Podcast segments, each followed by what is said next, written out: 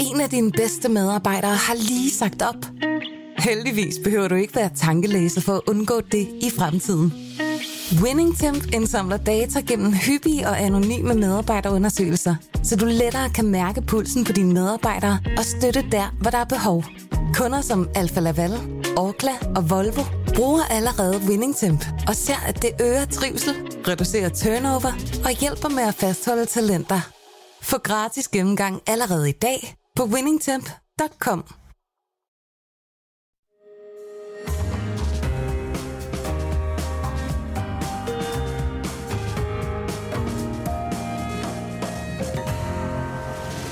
Du lytter til Korto og Steno, en podcast fra Berlingske.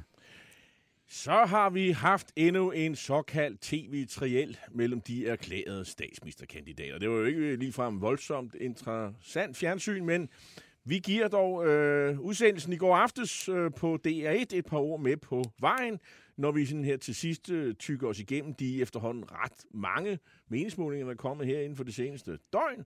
Og så kommenterer vi øvrigt på stort og småt fra weekendens valgkamp og ser lidt fremad. Velkommen til. Det er blevet mandag. Jeg hedder Jarl Cordua.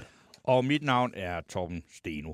Og alle jer, som øh, lytter med live, og det er vi meget glade for, I kan som altid kommentere og stille spørgsmål til dagens øh, menu. Og det gør jeg altså ved at skrive til os på vores Facebook-side Cordua og Steno. Og en af dem, I kan rette spørgsmål til, det er formand for Landbrug og Fødevare Søren Søndergaard, som er med os om øh, godt 20 minutter til en samtale om, hvordan erhvervet egentlig forholder sig til de mange forskellige politiske krav om reduktion af landbrugets øh, CO2. Øh, hvordan forholder man sig til det? Øh, senest har øh, Socialdemokraterne jo foreslået en CO2-afgift, men ikke helt præcist sagt, hvordan det skal være. Men øh, jeg ved i hvert fald, at jeg så nogle køer i TV2 i går, og de øh, så ud til at, at synes, at egentlig de var ret ligeglade. Men øh, det får vi en, øh, det, det kigger vi nærmere på om cirka 20 minutter. Nå, men nu skal vi jo byde velkommen til øh, dagens første gæst, og øh, det er dig, Steffen Larsen. Du er øh, Liberal Alliances øh, spidskandidat i København, Københavns omegn storkreds. Og øh, hvis man kigger på øh, Liberal Alliances efterhånden meget smukke meningsmålinger, det er sådan øh, 5-6 procent, øh, måske lidt højere endda, mm-hmm. øh, så står du faktisk til at komme i Folketinget efter næste folketingsvalg, og det er jo så her om 14 dages tid.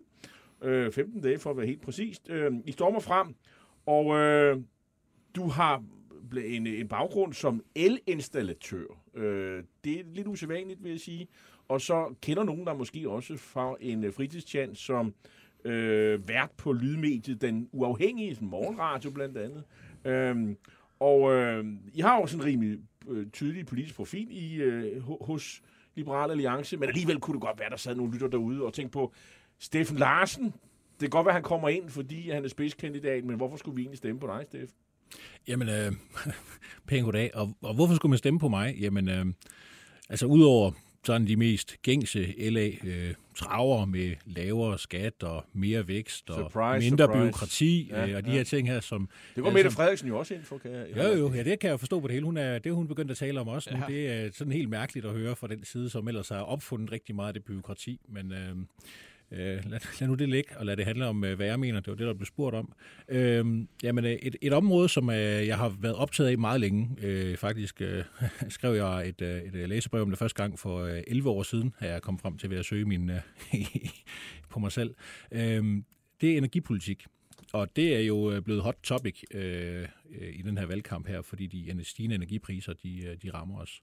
Øh, jeg har blandt andet den øh, holdning, som partiet også deler, at øh, vi for eksempel ikke skulle have stoppet udbuddene af Nordsøolie og Nordsøgas, øh, som man gjorde, øh, fordi vi stadig selv bruger det så længe vi selv, stadig selv er afhængige af ressourcen, så er der ingen grund til, at vi sådan set stopper med at udvinde den. Så kan, kan vi stramme det til at sige, at du og LA, I går til valg på, at øh, vi skal have åbnet udbuddet igen, og så, og, for, og så fortsætte med at, at pumpe olie op af, og gas op af Nordsjøen? Altså, fortsat har vi cirka 400.000 mennesker, hvis varme i deres hjem, eller 400.000 øh, bopæl reelt set, hvis øh, varme i deres hjem er, er afhængig af øh, naturgas eller gas.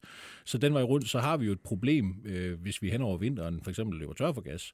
Øhm, det problem kunne man jo have undgået, hvis vi selv egentlig havde en strategisk ressource af det, som vi kunne hive op. Lige nu er Tyrefeltet jo øh, ved at blive renoveret, men der er jo flere andre felter derude, der kunne have været øh, i drift og i udbud i, på samme tid med, at vi renoverede det felt. Men vi valgte her at, at købe det fra Rusland i stedet Ja, vi valgte at købe det fra Rusland, fordi det var billigt, men det var det jo ikke, viste sig. Nej, men det vil sige, at man kan sige, at der er nogen, man kan stole på, når det drejer sig om, at øh, vi her i Danmark stadigvæk skal brænde nogle fossile brændstoffer af, så er det Liberal Alliance. Og så kan man sige, det lever fuldstændig op til alt, hvad man har. Ligesom og Ole Birk Sådan jo også øh, selv har sagt, at når det kom til det grønne, det er godt nok ikke noget, I har holdt så helvedes meget øje med, ja. og sove lidt i timen, og det vil sige, det, men der garanterer du for, at I bliver ved med at sove. Uh, nej, det er sådan set ikke det, jeg siger. Fordi der er jo forskel på at udvinde noget, og så udnytte det. Altså, det, at vi netop har gasfyr, jamen, det er jo en ting, som vi også har sat en grænse på. Vi siger, at i 2030 har vi lige nu lovgivningen liggende, at øh, gasfyr skal udfases. Så det vil sige, at fra 2030 så kan vi ikke købe nye gasfyr. Så er det jo sådan set øh, lige meget øh, med, at vi udvinder. Så længe gas, gasfyrene forsvinder, så på et eller andet tidspunkt, så skal vi også stoppe med at udvinde af den årsag. Så lige nu er det jo fordi, at vi fortsat er i gang med at bruge det. Ligesom vi fortsat har øh, over en million øh, benzinbiler på vejene, så synes jeg også, det er dumt, hvis vi sådan synes, at det, det bliver utrolig klogt af os på et eller andet tidspunkt at hente al vores olie i OPEC-landene. Øh, fordi hvad skete, hvad skete der sidst, vi hentede al vores olie i OPEC-landene? Vi husker godt oliekrisen i 70'erne. Var, altså, var, var du født på det tidspunkt? Nej, overhovedet ikke. Okay. Men, øh, men jeg har da trods alt læst, historie, ja. jeg har trods alt læst okay. historiebøgerne og lært af dem. Øh, og det vil jeg sige, det er, der, det er der jo nogen, der ikke har, når de siger, at vi ikke skal udvinde øh, gas og olie i Vesten, men til gengæld forlade os på Rusland og Mellemøsten, som er jo for mig er nogle slyngelstater. Det er jo til at forstå, men hvis vi nu er, øh, nu har du selv våget dig ind på, altså hvad er grøn omstilling i Liberal Alliance? Altså hvad er det, når Ole Birk siger, at I har sovet i timen, ja. så må det jo være fordi, at I har gjort det. Jamen altså, og på, ikke synes, at det var vigtigt. På, på det område, der går vi jo for eksempel ind for en, en reelt set uh, teknologineutral CO2-afgift, som sådan set skal plantes på, hvor meget CO2 man ud, udleder. Øhm, det vil sige, at I er klar til at gøre noget rigtigt, gøre det onde ved landbruget? Nej, vi vil gøre det, vi vil gøre det øh, samme ved alle ud fra okay, deres men det, det er jo for eksempel, hvad skal man sige, nu, andre borgerlige partier, øh, nu skal jeg ikke nævne navn, liberale partier, de vil jo sådan set gerne prøve at lave nogle særlige, øh, hvad skal man sige, blide tiltag over for landbruget. Der er, ikke noget, der, der er heller ikke nogen, der siger, at de skal være super stramme til at starte med. Det der, det, der bare ligger, det er, hvis man forurener, så skal man jo betale for den forurening. Det er normalt et klassisk liberalt princip. Ikke? Hvis du hælder noget, øh, noget giftigt stads ud i en, i en å, og fiskene dør længere nede, så skal du betale erstatning til dem, der bor længere nede af strømmen. Sådan er det jo. Mm. Øh, og du skal hvad hedder det, øh, øh, sådan set øh, bedes om at lade være med at forurene mere. Ikke? Øhm, så, så den vej rundt, hvis når vi så har andre typer forurening, jamen så det at sætte en CO2-afgift på, som er teknologineutral, altså det er, det er så der, hvor den sjove bliver jo for eksempel at se Socialdemokraterne, de taler også om, at nu skal der fandme øh, CO2-afgift på, øh, på landbruget. På landbruget. ja. Men øh, Aalborg Portland, skal vi, skal vi tale der om dem? Ikke være... oh, nej, nej, nej, det kan vi, det kan vi sandelig ikke gøre noget, ikke? Og det er så... derfor, vi siger en teknologineutral, så det vil sige, at alle bliver jo ramt sådan set øh, ens ud fra, hvad de udleder, og så må de jo så forsøge at optimere. Hvorfor er det, smart, hvorfor er det smart med en, en, en ensartet CO2-afgift? Jamen det er jo smart, fordi det vil være med til at fremme udvikling. Altså fordi, hvor de andre, hvor du sådan undtager nogen, jamen så, så udvikler de sig ikke. Så er det jo ikke en grund til at prøve at, at komme, komme, komme videre i deres øh, produktion, eller gøre noget, der er smartere.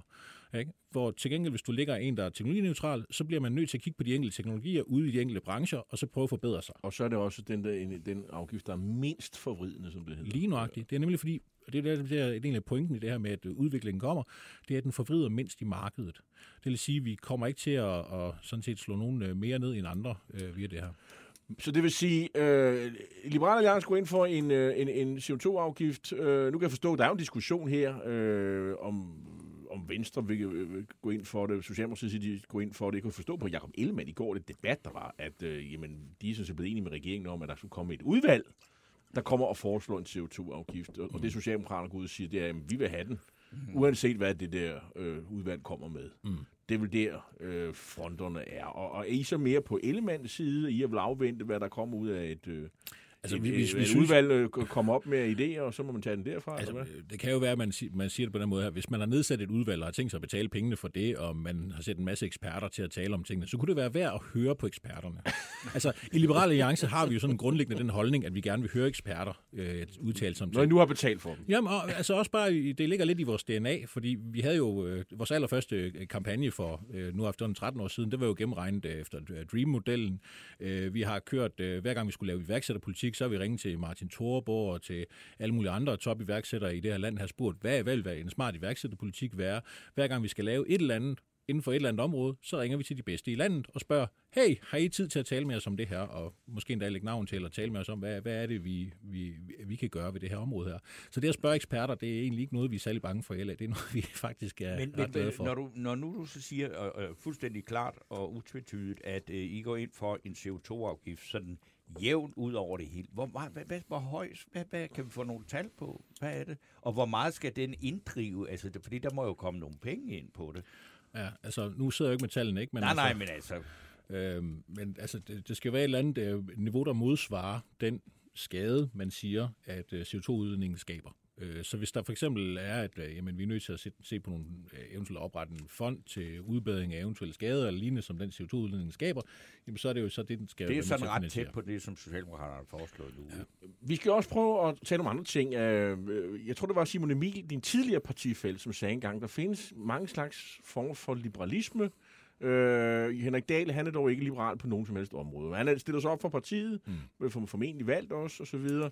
Og øh, jeg vil jo så nok antage, at Henrik Dahl står for en eller anden form for liberalisme, og den kan være svært at identificere, men øh, sådan, hen er det sådan nationalkonservativ. Han er nok, hvis der er, findes sådan en, en liberal fløj, øh, så er det nok den, jeg vil sige, han, han går ind for. Han går meget op øh, i, omkring de omkring øh, rendelist, er han jo så også sprunget ud som nyrendelist. Og, Det er og der så, jo mange liberale, der har og- været gennem tiderne. Ja, det kan jeg forstå. Øh, og. Rendal var jo også fremskridtsmand, som ja. jo vel også på øh, nogle stræk var en liberal bevægelse, i hvert fald på mm. sådan økonomisk. Øh, og, og, og, og, så er, og, og så er det jo også det her med øh, øh, øh, identitetspolitik. Det har, der har du ligesom også været på Dals hold.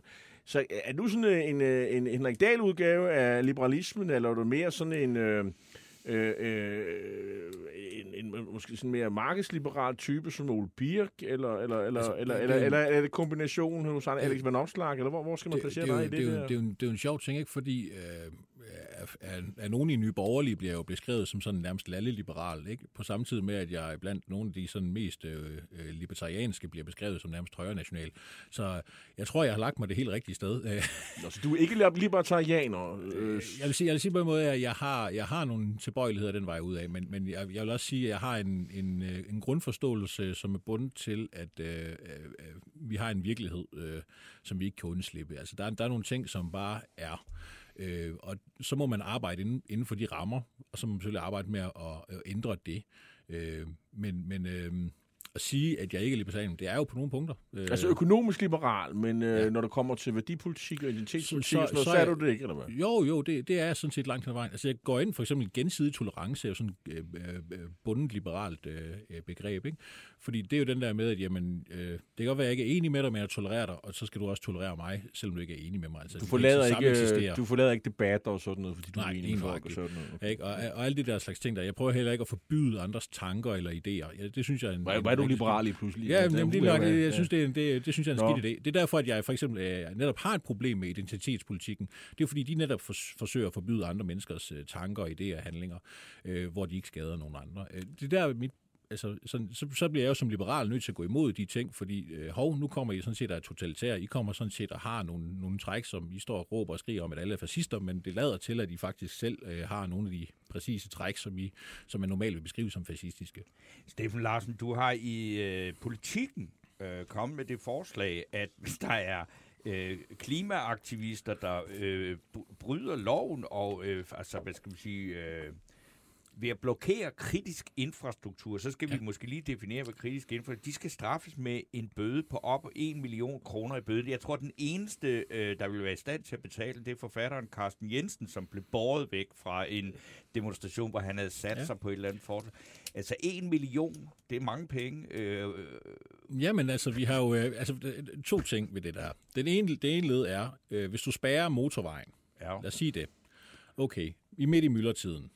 Hvor mange mennesker rammer du? Par hundredtusind? Kan det gøre det? Ja, det- Rundt om København. Ikke? Jo. Nå, så hvis man gør det, og man så dermed skader på 100.000 mennesker, okay, det har nogle omkostninger for samfundet. De omkostninger, de opgøres i millioner. Sådan der, ikke? Det er bare inden for de første minutter, der har vi tabt millioner i omsætning i, i, i, i København og omegn, ikke? Ja. Godt.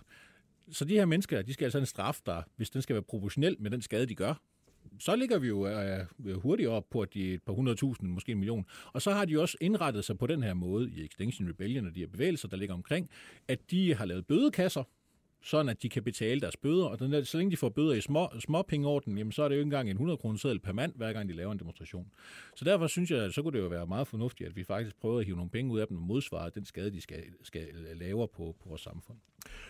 Øhm, jeg kan forstå, at øh, du også sådan øh, går øh, ind for øget privatisering af velfærden. Hvad, hvad, hvad, hvad betyder det? Altså, øh, skal vi have beskåret velfærdsstaten? Øh... Nej, vi skal jo sådan ikke øh, nødvendigvis beskære den. Altså, øh, det, er jo, det, er jo, det er jo et godt spørgsmål, hvordan vi skal gøre det præcist. Men en, en ting, der kunne ligge i det, det er jo for eksempel, at vi kunne få noget mere konkurrence på området.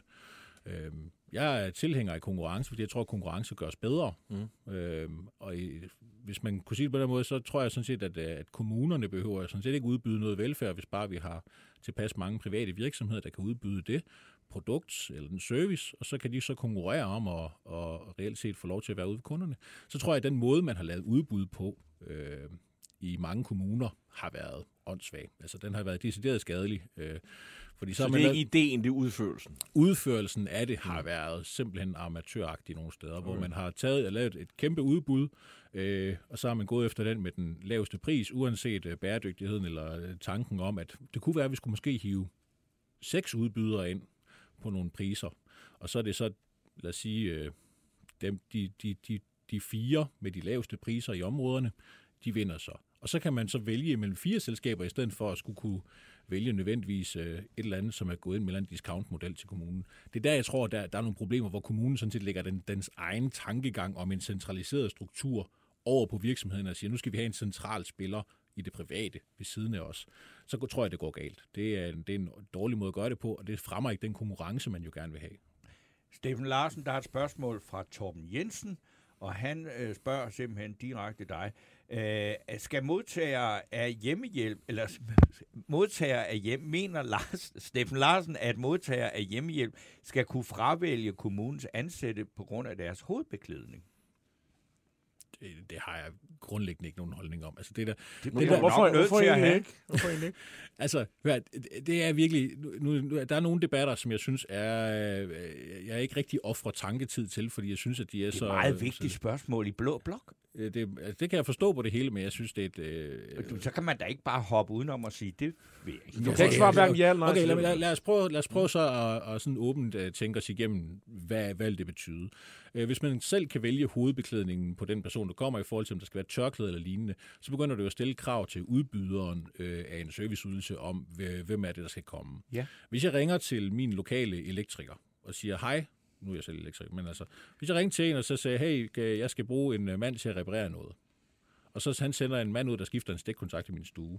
Øh, kan jeg så være ligeglad med, om den mand han har overskæg eller skæg, eller øh, om han er øh, øh muslim ja, eller jøde? Altså det, det burde jeg jo egentlig kunne være fuldstændig ligeglad med. Det er hans karakter, hans opførsel og hvordan han gør tingene, som jeg burde gå op i.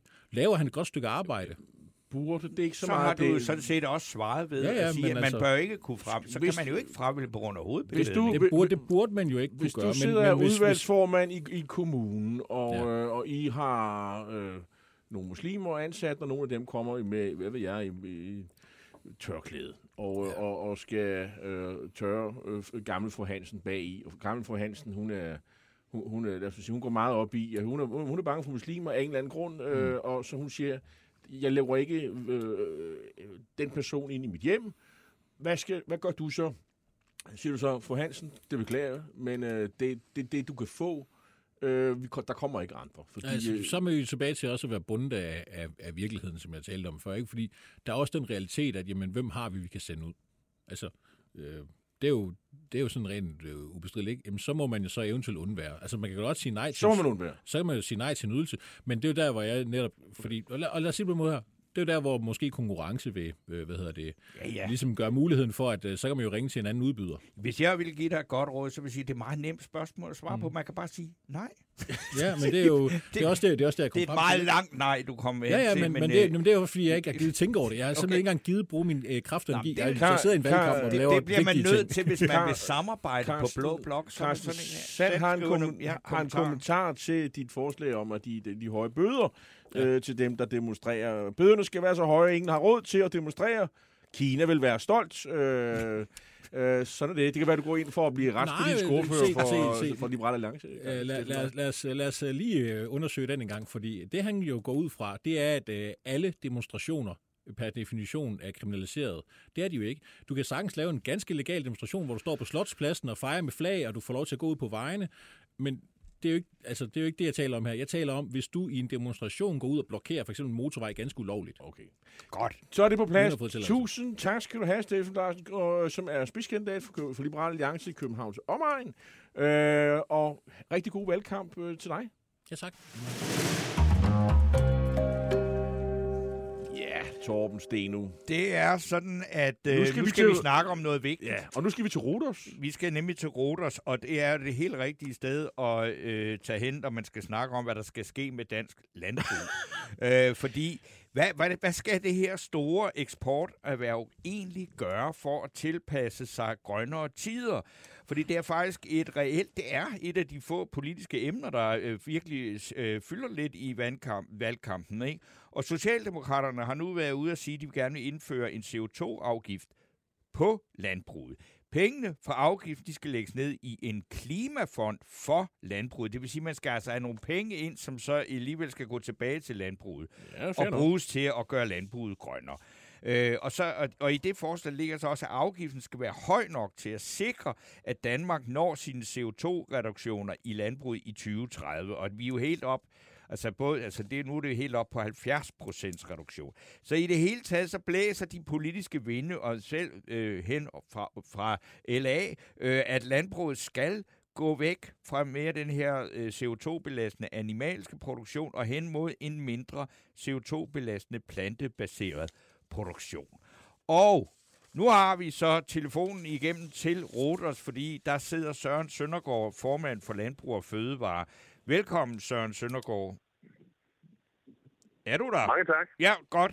Jamen, øh, Ja, det er jeg. Okay, jamen ved du hvad, vi starter jo lige med at sige, altså, hvis man, altså, øh, nu er landmænd jo øh, numerisk ikke særlig mange, øh, så derfor er det jo svært at sige, hvor meget landbrugets medarbejdere i virkeligheden kan påvirke et valg. Men det virker jo sådan lidt som om, at I har sagt, at det eneste parti, som virkelig vil gøre noget for jer, eller holde hånden over jer, det er Venstre. Men, hvad, men, men lad os nu bare så høre, hvad, hvad, hvad, hvordan har du det med den øh, CO2-afgift, som Socialdemokraterne har skitseret nu? Jamen, helt grundlæggende, så tror jeg faktisk, der, der er mange partier, der gerne vil gøre noget for os. Og, og det er jo rigtigt, at vi er, vi er pludselig blevet en stor del af den her valgkamp øh, på baggrund af her diskussion om CO2-afgift. Men jeg synes jo faktisk, når man sådan lytter efter i debatten, så, øh, så bliver der sagt mange fantastiske ting om vores erhverv. Øh, alle de ting, vi kan løse for samfundet, og det, det glæder jeg mig selvfølgelig over. Så er det klart, at en del af diskussionen, det handler så om CO2-afgift. Og øh, jamen, det er jo en kompleks størrelse. Det er jo sådan lidt blevet sådan lidt en præmis, at man siger, at landbruget får ikke en CO2-afgift, eller har ikke en CO2-afgift. Men, men det er jo ikke rigtigt, fordi vi har jo en CO2-afgift, som er vedtaget her før sommerferien, ligesom alle mulige andre erhverv på alle de fossile brændsler, øh, vi bruger. Når jeg putter diesel på min traktor, eller når Danish Crown eller Arla skal have driften til at køre, jamen så er der jo også en CO2-afgift øh, på de energiformer, vi bruger der. En af dine bedste medarbejdere har lige sagt op. Heldigvis behøver du ikke være tankelæser for at undgå det i fremtiden. WinningTemp indsamler data gennem hyppige og anonyme medarbejderundersøgelser, så du lettere kan mærke pulsen på dine medarbejdere og støtte der, hvor der er behov. Kunder som Alfa Laval, Orkla og Volvo bruger allerede WinningTemp og ser, at det øger trivsel, reducerer turnover og hjælper med at fastholde talenter. Få gratis gennemgang allerede i dag på winningtemp.com. Men, men hvis du ser på det forslag, som er kommet nu fra Socialdemokraterne, ikke? det er jo at, at pålægge en direkte afgift på erhverv, og så de penge, der kommer ind, dem skal I så alligevel have til at omstille. Hvad skal man sige, omstille. Altså, man må sige, er, er, ligger landbrug og fødevare, så man må sige, det, hvad skal man sige, svinets glade dage i Danmark, og kødproduktion og alt det der, det er noget, I er øh, klar til, at det skal I lægge om, og så skal I, fordi I er jo, som I jo også selv er meget gode til at fortælle, at I er verdens dygtigste landmænd, så kan I øh, omlægge til plantebaseret produktion og stadigvæk øh, være et erhverv, der tjener masser af penge hjem til Danmark. Vi kalder Rodos. Søren Søndergaard. Vi bliver vist nødt til at ringe op igen. Vi tror, vi bliver nødt til at tage den igen. Øh, fordi det, jeg vil, jeg, vi prøver at få fat i Søren Søndergaard igen. Der ja, skete et eller andet. Der, der skete et eller andet igen, men man men kan spørgsmålet vil vi gerne have svar på. Man kan sige, hvis jeg kunne lige få lige analysere, analysere lidt igen her, og Søren Søndergaard skal bare melde til, når han er på igen. Øh, nå, men øh, det er jo klart, at for regeringen øh, handler det om at fremstå så grønt som overhovedet muligt. Der er jo en venstrefløj, der er de radikale, der presser på for at have endnu flere afgifter, som er endnu mere grønne, som, hvor, hvor klimaet spiller en stor rolle. Øh, men jeg synes jo, at Ellemann har jo en pointe, når han siger i går, at, øh, at, man har jo det her udvalg, man har nedsat, og, og, og de skal vel komme op med en CO2-afgift. Og, øh, og, og, og, og, og før det sker, så kan man vel ikke rigtig, så kan man vel ikke rigtig komme længere i processen. Nu, Søren Søndergaard, Søren Søndergaard, vi er glade for, at vi har dig med igen. Hørte du Torben Stenus øh, spørgsmål, Søren Søndergaard? Ja, det gjorde jeg. Jeg synes egentlig også, at jeg kom med et, øh, et langt svar. Men, øh, ja, men det var så ikke noget, der kom ud over landet, så vil du ikke gentage svaret? Nej. Jo, altså det vi vel var lige omkring, det er jo det med den her CO2-afgift, og øh, som, jeg, som jeg sagde, jamen så, øh, er det jo sådan, så lidt en præmis, at man, man ligesom får det i tale sat, at landbruget går helt fri af en CO2-afgift, og det er jo ikke rigtigt. Fordi både jeg som landmand og de store virksomheder, jeg leverer mine produkter til, vi kommer til at betale en CO2-afgift for de fossile brændsler, vi bruger fuldstændig på lige vilkår med, med alle mulige andre erhverv. Det synes jeg er vigtigt at, at starte med at stå fast. Og så er det rigtigt, at så diskuterer man, om man kan lave en CO2-afgift på de biologiske processer, vi har. Altså når der er ko, der der bøvser, eller en gris, der brutter, øh, kan ja. man lave en afgift på det. Og det er godt nok vanskeligt. Og der mener vi jo, at det er, det er jo være tosset redskab, at give sig ud i sådan et eksperiment som det eneste land i hele verden. Men må jeg ikke jeg kan godt lige gentage mit spørgsmål, det for jeg synes, det er meget vigtigt, og det ved jeg, det også er i mange øh, folk, der ikke beskæftiger sig med landbrugspolitik til hverdag, men det er, ligesom at sige, kan dansk landbrug blive et rentabelt erhverv, som tjener mange penge øh, hjem til Danmark, ved at være meget mere orienteret mod plantebaseret produktion? Altså, der er jo øh, ingen tvivl om, at Landbrug Fødevare og vores landmænd og vores virksomheder, vi har jo faktisk længe før man begyndte at diskutere klimalov på Christiansborg, der lavede vi vores egen vision, at vi vil have en klimaneutral fødevareproduktion i Danmark i 2050. Og øh, det synes jeg faktisk er ganske ambitiøst. Jeg tror ikke, der er andre landbrug i verden, der har så store ambitioner, som vi har på, på egne vegne. Og en del af det er der selvfølgelig, at vi kommer til at producere mere plantebaseret. Det håber jeg, at vi gør, fordi at det er jo den del af efterspørgselen, jeg tror, der vil komme til at stige i Vesteuropa. Og det skal vi da sidde på. Det er også, øh, det er også, også, det er også landmændene, der leverer de produkter. Men at det så skulle betyde, at vi ikke skal lave mælk og smør og bacon og kød længere, jamen det synes jeg var dumt fordi verdens befolkning kommer til at efterspørge endnu større øh, produktioner af både mælk og smør og kød. Øh, og det skal vi da også være en del af, især når vi nu er nogle af dem i verden, der faktisk er bedst til det. Øh, der er jo en debat, og du har følt den selvfølgelig. Det er jo, at, at, at Venstre og andre borgerlige hævder, at hvis man giver, kommer med alt for høje afgifter på, på jeres erhverv, jamen så ender I bare med at lukke ned eller flytte produktionen til udlandet. Det kunne, I gamle dage var det i Ukraine og Rusland, det er der så måske ikke så meget mere. Øh, Polen måske. Øh, er der, er, har de ret i det, øh, at øh, det kan det kan være øh, øh, konsekvensen, og, og så lukker man også måske mejerier ned og slagterier og så videre? Det kan det jo selvfølgelig. Det er klart, at hvis man sådan helt med hovedet under armen øh, pålægger øh, et, et erhverv en kæmpe stor afgift, som man ikke pålægger resten af verdens producenter. Så med det lille land, vi nu er, hvor vi er jo en del af et stort globalt fødevaremarked, så binder man jo armen rundt på ryggen her, så putter lidt sten i rygsækken. Og det gør jo, at det bliver langt, langt sværere øh, at konkurrere med vores konkurrenter. Det gør jo også, skal vi huske, at øh, hvis man pålægger en afgift på den danske fødevareproduktion, så bliver de danske fødevarer dyrere. Det siger sig selv, det er helt almindelig matematik. Og det betyder jo, at nede i butikkerne, der vil øh, forbrugerne opleve, at de danske fødevarer lige pludselig går langt dyrere, end man har været vant til. Mens de udenlandske fødevarer, jamen, dem er der ikke sket noget med, for dem har man ikke pålagt en afgift. Og det, der er, det er det, der er sådan lidt, lidt hyggeligt, synes jeg faktisk, i den diskussion, der er lige nu, at øh, man siger fra regeringens side af i øjeblikket, at vi vil gerne pålægge en stor, stor afgift, men det kommer ikke til at koste den eneste arbejdsplads, og det kommer ikke til at gøre, gøre øh, hverken kødet eller mælken dyrere, eller spaghetti med kødsovs for den sags skyld. Og, og det, øh, det, det har jeg virkelig svært ved at se. Så kan, så kan øh, med, Mette Frederiksens øh, kernevælger, de kan jo så købe polsk og tysk kød. Altså, så er der jo pludselig råd til spaghetti kødsovs. Øh, det, det, var jo, det var jo en, en mulighed, jo. Det, det er klart. Det, det bliver jo konsekvensen, men jeg går ikke ud fra, at det er det, vi vil. Og det er heller ikke det, der er nogen af politikerne, der vil. Og det hører vi heller ikke sige i hverken partilederrunden eller i statsministerkandidatdebatten øh, i aftes. Man vil jo ikke, at det må koste så meget for en arbejdsplads, og, forbruger, og forbrugerne må heller ikke mærke, at det overhovedet bliver dyrere ned at handle. Og samtidig vil man gerne pålægge en stor afgift på den danske fødevareproduktion. Så... Og der siger de så alle sammen, og det må vi så prøve at kigge på. Alle erkender jo, at det her det er svært. Og der er jo nedsat et udvalg, som der er jo bred enighed om, øh, Michael Svare udvalg, som skal afrapportere her en gang efter nytår på, kan det her egentlig overhovedet lade sig gøre? Mm. Eller kunne man forestille sig en anden model for landbruget? Ja, og jeg tænker, når du nu sidder og hører den debat der, hvor man alle sammen siger, at der skal ske noget, men vi vil ikke rigtig sige, hvad der skal ske og sådan noget. Så tænker hvis jeg var øh, dig, så ville jeg også sige, hvad er det egentlig, de vil? Og hvad er man bange for, at de vil? Jamen, jeg tror, at det, man vil lige nu, er, at man vil gerne øh, prøve at skabe en eller anden stor uenighed på det her område, som der typisk set ikke rigtig er.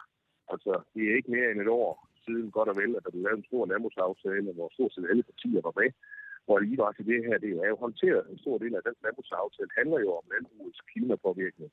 Så der er jo lavet nogle brede planer for det her.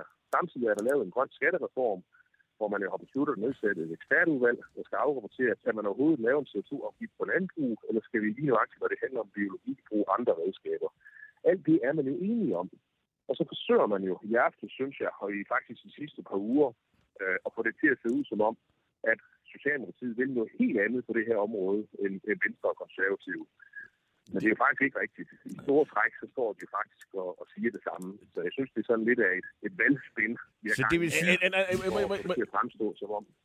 Ja. Så det lyder som om, du siger, at Socialdemokraterne gør, gør øh, landbrugserhvervet til prygelknap øh, i deres valgkamp. Det, I, I, I står sådan set meget godt for hug, og så kan de fremstå lidt mere grønne, selvom de jo sådan set er enige i uh, den politik, uh, som uh, man allerede har har, har blevet enige i sammen med blandt andet især de borgerlige partier. Det er det, du siger. Ja, det, øh, det synes jeg. Og, øh, og samtidig så er det her jo så komplekst et, øh, et område, at der er ikke ret mange af, af politikerne, og alt respekt for det, for de har mange ting, de skal være inde i, som faktisk er rent fagligt er inde i den her diskussion. Og så formanden for det her svarudvalg, han har selv været at sige, at det er faktisk rigtig svært, hvis vi skulle lave en CO2-afgift på landbruget Hvordan den der verden, skal man måle forskellen på Hansens og Jensens og, og Pedersens sko, øh, hvis det er det, man vil. Øh, måske man skulle kigge ind i nogle andre redskaber. Og øh, Lars Gården Hansen, den miljøøkonomiske vismand, har jo også været ude for at komme med en forklaring på, hvordan man kunne gøre det her, så at de danske fødevarer de ikke bliver dyrere end de importerede fødevarer. Så det her det er svært. Og når Dan Jørgensen for eksempel i går var ude at sige, jamen hvis vi laver sådan en CO2-afgift på landbrugets biologiske processer, jamen så kan landmændene jo bare skifte om til grøn energi, og så bliver fødevarene jo ikke dyrere. Og det viser jo bare, og i meget respekt, det har ikke noget med grøn energi at gøre, fordi der er allerede CO2-afgift på landbrugets energiproduktion. Så der kommer nogle udtalelser nu, hvor man godt kan se, at der er nogen, der prøver på at, at spille en historie om, at der er stor uenighed øh, på det her område. Det synes jeg ikke, der er. Søren Søndergaard, øh, formand for Landbrug og Fødevare. Tak fordi du tog dig tid øh, til at tale i telefon, mens du sidder nede på Roders. Jeg vil ønske dig god efterårsferie, og tak fordi du var med her.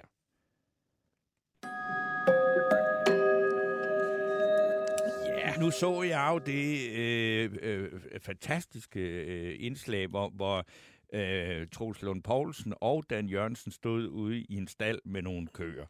Og jeg må sige, at jeg har en øh, stærk trang til at give Søren Søndergaard ret, fordi at det var, jeg kunne simpelthen ikke rigtig finde ud af, hvad det var, de var uenige om. Det var bare enormt vigtigt, at de var uenige øh, om det her CO2, og det var sådan lidt svært at, at, at, at hænge dem op på noget særligt konkret.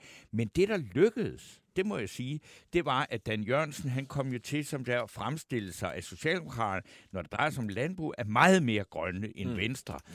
Og øh, det er de så, øh, tror jeg faktisk overhovedet ikke. Men det lykkedes, og jeg kan se, at det har allerede måske i dag flyttet en stemme, en tidligere alternativist, og øh, nu tidligere kristendemokrat, øh, Stine Helles, hun har nu besluttet sig for, at nu må hun nok hellere vælge at stemme på Socialdemokraterne, fordi ja, ja. det grønne fylder ikke noget på den anden side. Der og der man så sige, det. Det, det, ja, og det var så, man kan sige, godt gået, Dan Jørgensen, rent ja. fup. Ja, ja. Øh, men øh, fordi altså, er der noget, jeg egentlig ikke mistænker de socialdemokrater for, så er det for at være sådan særlig rabiat grønne, og det har jeg heller ikke nogen forventninger om, de skal være.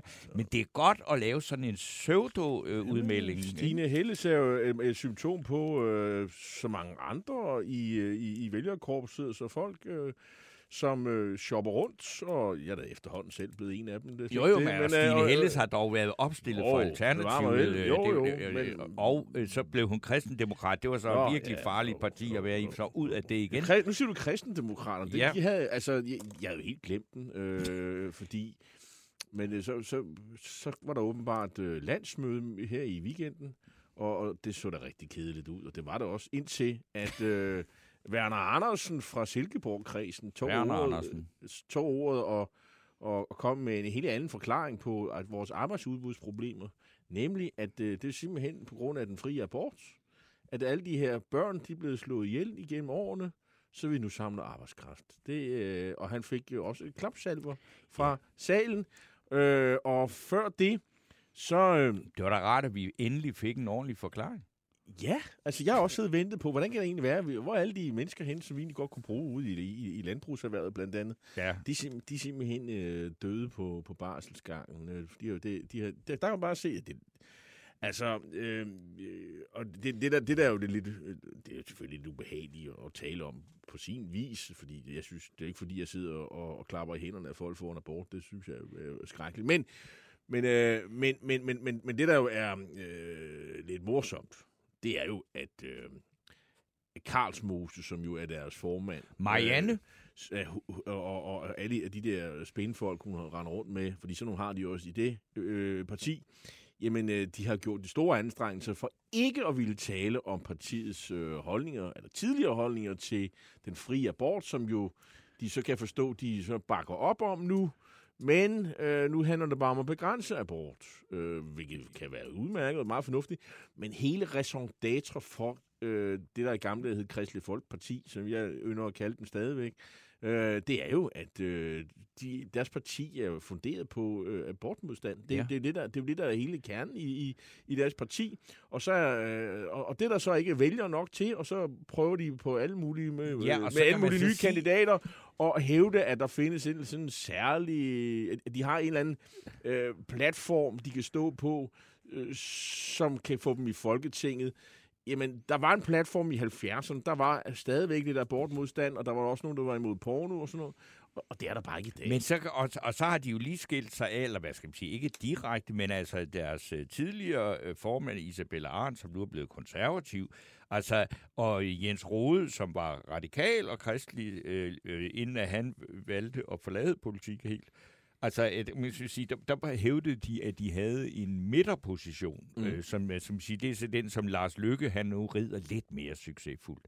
Øh, og de to, øh, de, øh, hvad skal man sige, altså, de, de, de gik jo på grund af det der abort, som de nu ikke vil snakke om. Nej.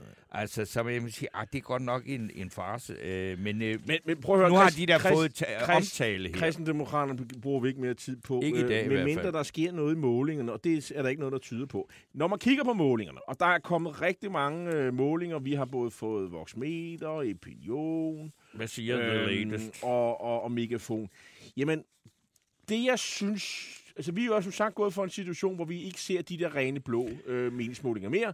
Så ser vi nogle målinger, hvor at der er et snævert, snævert rødt flertal med hiv og sving, og Alternativet kommet ind, og nordatlantiske mandater, så kan der i nogle målinger. Men der ikke er så mange, nok meget stor forskel op på, hvor de kommer I, ind. Alternativet er en, hvor de kun har 1 ja, procent. Ikke? Præcis. I langt de fleste målinger, der er Lars Lykke tunge på vægtskålen. Derfor bliver han hele tiden interessant. Derfor var han også den skal man sige, kandidat, man et eller andet sted manglede i studiet i går. Og det, øh, og det var også sådan meget øh, betegnende, at i det der sådan, øh, efterspil, der var på den der debat, så så jeg DR1. De var i gang med at interviewe Jacob Ellemann, som jeg synes jo egentlig er den, er den der er faktisk er favorit lige nu til at være statsminister. Det er ikke Mette Frederiksen, der, der er favorit lige nu. Hvis man, som jeg ligger til grund, af, af, af hvad hedder det, lykke i sidste ende peger på en borgerlig. Det bliver ikke Pape med de meningsmålinger. Nej, det gør det. Det kan jeg i hvert fald helt afvise. Det er et afstået. Han er nu Han nede er- og få målinger under 9 procent. Har mistet i hvert fald en, halvdel, en, en tredjedel, og det nærmer sig en halvdel af vælgerne på 4-5 uger. Skulle man så forestille sig, at han skulle blive øh, statsminister nu? Nej. Øh, hvis Ellemann peger på en borgerlig, øh, undskyld, hvis, hvis, hvis. Lykke. Lykke peger på en borgerlig, så bliver det Ellemann. Men meget betegnende, så skiftede de i interviewet fra Ellemann, og ja, nu skal vi til Nyhavn, mm. hvor Lars Lykke står der, og så stod øh, Lars Lykke og sagde, ja jo, han havde ikke noget nyt, og, og han synes jo, de skulle have talt om noget helt andet. Jeg synes, og, vi skulle snakke politik. Ja, ja, han, altså Lars Lykke sætter jo ikke en fod forkert lige nu. Nej. Altså, han sidder i baghånd på en måde, hvor man bare kan se, ja, så det her spil, det kan han bare øh, spille 100%.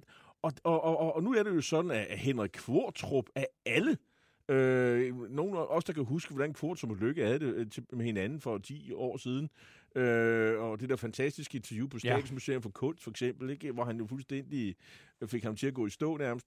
Øh, nu, nu er det sådan, at Henrik Kvartrup jo nærmest forlanger, at det er et, at de øh, sætter øh, Lars Lykke ind i den der statsminister triel, eller kvartel, eller kvartet, mm. eller hvad pokker det kommer til at, at, at hedde. Fordi folk er mere interesserede i at høre, hvad han mener. Og det kan jeg et eller andet sted godt forstå, fordi han er jo nøglefiguren. Det er jo ham, der kommer til at afgøre det her valg. I hvert fald som meningsmålinger ser ud lige nu. Øh, det Men Har du det konservative... ikke også sådan, at, at når du hører... Altså, øh, nu, du, du har jo også siddet og kigget på den der ja. triel i går, ikke? Mm. Og det er altså svært at, at, at, at fastholde interessen. er for. Man venter jo på at høre lykke. ting, der er godt ved den der du triel i går, det er, der kommer ikke flere, Torben. Nej, det gør der Det, ikke. det, var, det var det.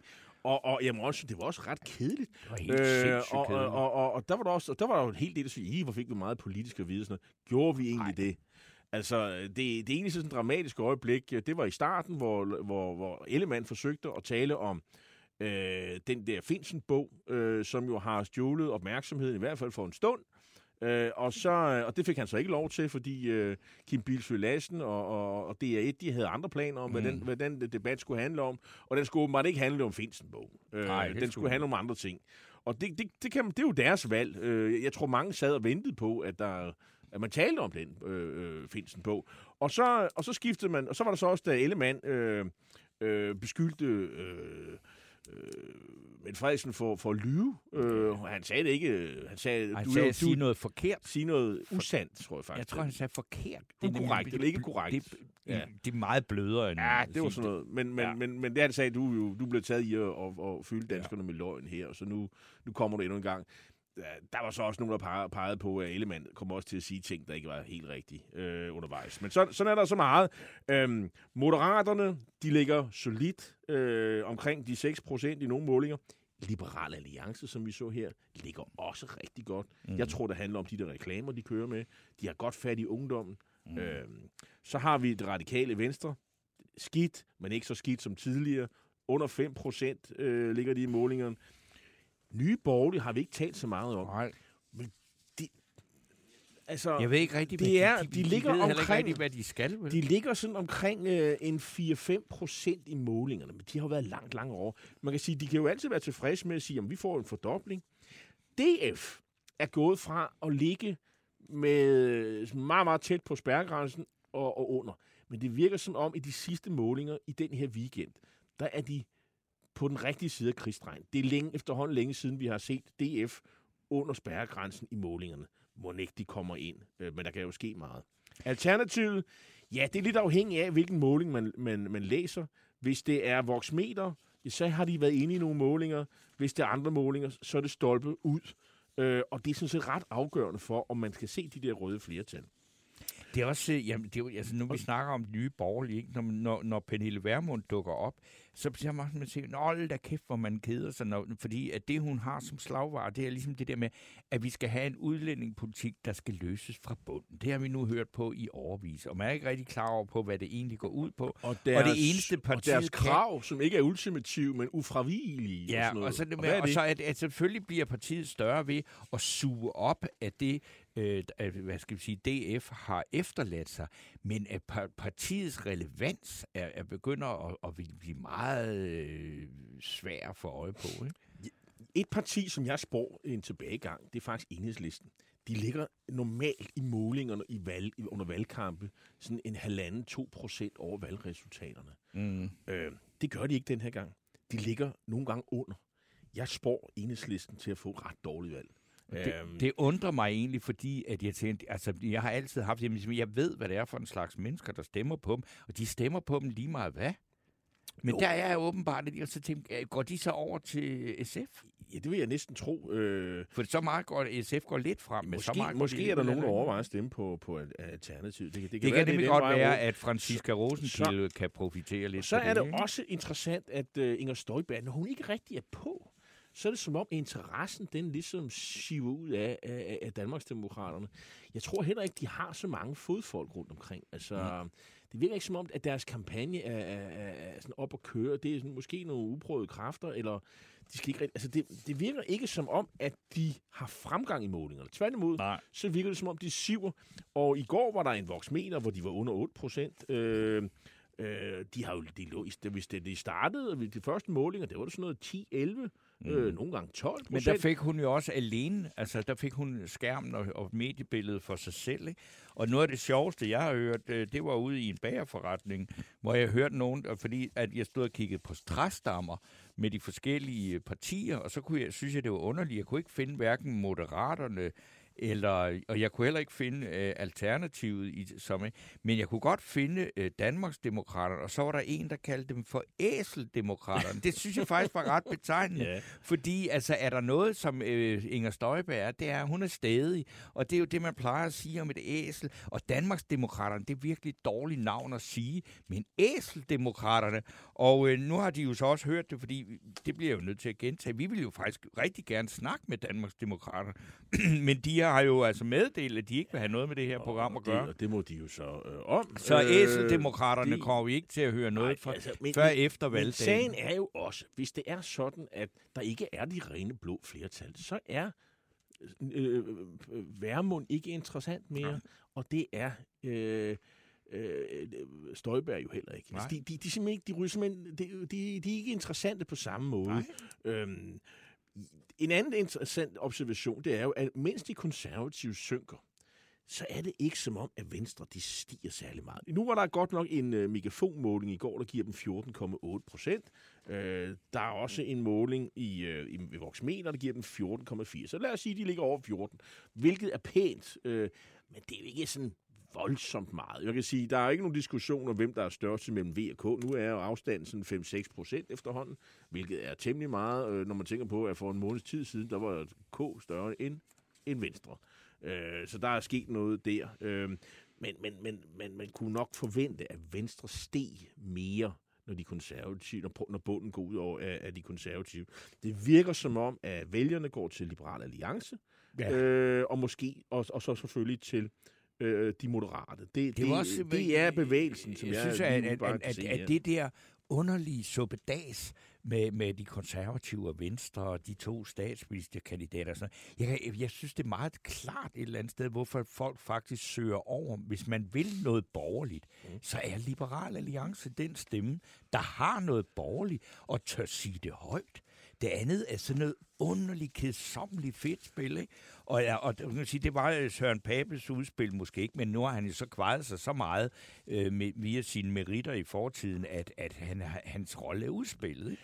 Og så det, jeg synes er mærkeligt i øjeblikket med de her målinger, det er, at næsten lige meget hvad der sker af dårlige ting, mm. så øh, Mette Frederiksen er, og Socialdemokraterne er ret urørlige. Der, der kommer faktisk virkelig dårlige ting om partiet. Mm. Øh, Rasmus Prehn, fødevareministeren, har, øh, er øh, langt fra færdig med sit øh, bilagssag. Peter Hummelgaard har nu også måttet indrømme, at han selv har siddet i den bestyrelse og, og givet sig selv et studielån. Og, altså klassisk, øh, hvad skal man sige, pamper, øh, politik. Men det pladser, det, altså det, det får ingen konsekvenser. Og, og Mette Fred, altså, og FE-bogen, og at, at uh, Lars Finsen er ude ja, og sige, eller Lars Finsen prøver ikke... at sige, at Trine Bramsen er dum som en dør og sådan noget. Det er lige meget. Prøv at høre. Det, det kommer ikke til at få nogen indflydelse. Det, det ved vi faktisk ikke noget om endnu. Men Tror man kan du? sige, altså målingerne her, de er jo, de er jo øh, Ja, der er faktisk nogen, der har fået det med. Der er for eksempel Megafon fra i går. Der har de også spurgt øh, hen over weekenden, 15. og 16. oktober. Så, der, så det, der, du kan godt have en effekt der. Men der ligger Socialdemokraterne faktisk også under valgresultatet i, i Megafon. Nu tager jeg bare et eksempel. Øh, I Socialdemokratiets, øh, i, i Voxmeters måling, øh, som fra i går, der ligger man faktisk om, lige på valgresultatet, der er 0,2 forskel øh, plus. Øh, Øh, så, så, så, så det er bare nogle eksempler. Altså man kan være, de kan jo ligge 2% over og 2% under, det ved vi ikke. Øh, fordi der er også alle de her statistiske usikkerhed. Vi skal altid huske at blande ind i det her ting. Men hvis man så kigger på, hvem folk fra, for, øh, hvem vælgerne foretrækker som statsminister, jamen der er Voxmeter kommet med en måling her til morgen, øh, der viser 57,8% af vælgerne foretrækker Frederiksen. Altså næsten 58 procent. Ellemann, han får 24,3, Pape får 17,8 og hun stiger. Mm. Øh, Ellemann falder faktisk en lille smule, og Pape han styrtdykker. Så det vil sige, det kan godt være, at der er nogle vælgere. Altså, hvis, hvis valget er mellem de tre, så vinder Frederiksen. Fuldstændig. Øh, ret klart. Øhm, og det er jo også et signal til, altså hvad kommer den her kampagne, valgkampagne til at handle om? Fordi hvis det er sådan, der er et blot flertal med øh, lykke, vil han komme under stigende pres til at forklare øh, øh angreb fra Socialdemokraterne til, til at melde klare ud? Vil du pege på os, eller vil du pege på, på, på, på de blå? Får han lov til det? Kan han få, altså, vil de prøve at angribe ham? Fordi det er jo ikke, det er nok ikke øh, Inger Støjberg, der er faren for, at Socialdemokraterne mister magten om 14 dage. Det er Lars Løkke. Altså, som jeg siger, det, det, det, hvis ikke han støtter hende, jamen så støtter han jo Ellemann. Ja, ja. Og, øh, og, og det kan de jo, altså, jeg ved ikke, hvad deres analyse er. Der er også spekulation om, at de har lavet en aftale med Frederiksen og Lars Lykke. Det tror jeg ikke på, at de har. Det, det, det har der, ja, den, hvad skal man sige, det var sjovt at komme med teorien, og så, så levede den, og så men, var det nyheden men, en dags men, tid. Men, men lykke, skal jo, lykke skal jo, vil jo, skal jo så gå op imod folkestemningen, som jo er at 58 procent. Og hvad, hvad er det om en uge? Er der endnu flere, der vil have Frederiksen som, øh, som statsministerkandidat, eller som statsminister? Og jeg tænker, det, det her er jo også en måling, der, hvor man har taget Finsen-bogen ind og, og alt det her, mm. hvor han, han rejser de her anklager med, at, at, at man har smidt øh, embedsmænd under bussen. Øh, det er det, øh, han hævder i forhold til den der samtale, han har haft med, med Trine Bramsen, og som der nu kræves undersøgelser på øh, allerede efter valget. Det er jo både de radikale nu og enhedslisten her til morgen siger, jamen, vi kan sagtens tage en undersøgelse af lige det her område efter valget, øh, hvor er de øh, for øh, her i, i fredags, tror jeg det var, der havde de det samme synspunkt som, øh, som, som Mathias Tesfaye, om at jamen, det kan vi sagtens kigge på, når der har været... Øh, øh, faldet dom i, i, i Finsens generelle sag, og han, den er sikkert blevet anket til tre instanser og gået til menneskerettighedsdomstolen i Strasbourg, så vi kan være fremme, øh, ja, kan vide, om vi lever til den tid. Øh, det, det ved man jo ikke. Ja. Men øh, jeg vil sige bare, det er Torben Jensen, ja. lytteren her, der skriver, Lykke kan ikke pege på en blå statsminister uden at bryde sit løfte om at kræve en midterbaseret regering. Og bryder han det løfte, er hans troværdighed forduftet, og det er netop den troværdighed, der giver Mette Frederiksen stemmer lige nu. rigtig god, god kommentar, øh, kommentar fra Torben Jensen. Det er fuldstændig rigtigt. Men hvis han nu siger, at det er ham selv, der er midten, hvad så? Ja. Har, har han så leveret på det? Og han kan jo, på et tidspunkt, så skal han jo også sige, jamen jeg, jeg forsøgte, og jeg prøvede, og jeg, vi havde 3, 4, 5 dronningsrunder, vi havde forhandlinger, men Torben Jensen, ved du hvad, jeg prøvede, men der var, der var simpelthen ikke... Øh, Socialdemokraterne, de insisterede på at få statsministerposten, og det kunne jeg altså ikke lave stemmer til, fordi der har jeg faktisk allerede afvist, at det, det, vil, jeg, det vil jeg. Altså, vi, vi prøvede med Socialdemokraterne, men de var ikke til hug og stik i, for det eneste, de havde i hovedet, det var, at Mette skulle være statsminister. Og så tror jeg også, altså, når, når man nu tænker på, hvis man som vælger til, hvad skal jeg dog stemme på? Så vil jeg sige, I kan roligt, I kan stemme på hvad som helst. Den førte politik, den kommer ikke til at ændre sig overhovedet. Om det bliver Mette Frederiksen eller Jakob Ellemann, nej, det, tror, jamen, det er bare jamen, mit jamen, synspunkt. det, det, det synes jeg er sådan... Hvor- hvor øh, skulle det være henne? Jo, jo, altså prøv at høre. Det her er også en folkeafstemning om, hvordan man styrer landet. Og hvordan centraladministrationen styres, Ja, men så det, er noget, men det er jo ikke politik. Jo, jo. Det er jo, hvordan du styres. Det er et spørgsmål om retssikkerhed Ja, og, og, jo. og central. Men- men- du har men ret altså, der kommer ikke til at ske nogen politik, den økonomiske- politiske forandringer. Den økonomiske... Ej, jeg vil sige... Altså, Lykke har jo faktisk lagt en plan frem omkring sundhedsvæsenet. Der, der er jo Ja, ja. af det, jeg tror kommer til at, at spille, ind, spille ind. Jeg tror, der er en klar forventning om, at det der problem, der ligger i sundhedsvæsenet, det skal løses. Ja, men tror du ikke, Men det både- ikke løst på den her side Tror du valget, ikke, fordi- Ellemann vil gøre det, hvis han er statsminister? Tror du ikke, Mette Frederiksen Jo, vil gøre det? der- der De er da klar over problemerne. Nej, der kommer til at ske nogle ændringer her. Altså, På hvad? I forhold til hvem? Jamen, de, de skal jo løse det problem, at der mangler folk i sundhedsvæsenet. Jo, jo, jo, jo, men jeg, men jeg siger ikke, at, der, lige meget hvilken regering vi, Vi får, skal- så vil de ikke løse problemet. Men jeg tror, den, altså, at, at Vi det, det, det kommer ikke til at betyde ret meget, hvem der får statsministerposten. Vi skal jo også I forhold til politik. Ja, øh, det, det, det, det, jeg synes, der, altså, jeg, jeg abonnerer ikke på den der forestilling om, det er ligegyldigt, hvem der er statsminister. Og øh, øh, hvilket parti. Det, det, det gør jeg simpelthen ikke. Jeg kan godt se forskel i politikken, og hvad, hvad man lægger vægt på. Men du har ret i, det er jo kompromiser og sådan nogle ting, øh, og, og så videre. Nå, Ja. men tiden løber, og vi kan snakke løs. Og, Jamen, vi, og det gør vi igen i Og morgen. vi nåede ikke halvdelen af det, vi ville, ville og sådan noget. I morgen, der får vi besøg af Jakob Engel Schmidt fra ja. øh, Moderaterne. Øh, og øh, vi håber, I hører, I hører, hører med i morgen, og vi har en anden spændende gæst. Vi ved ikke rigtig, hvem det er. Nu skal vi have en Det vil vi finde ud af. Tak fordi I lyttede med. I teknikken sad uh, Anna, Anna Eline. Anna Eline, og så havde vi en øh, Mads redaktions, Bjergård.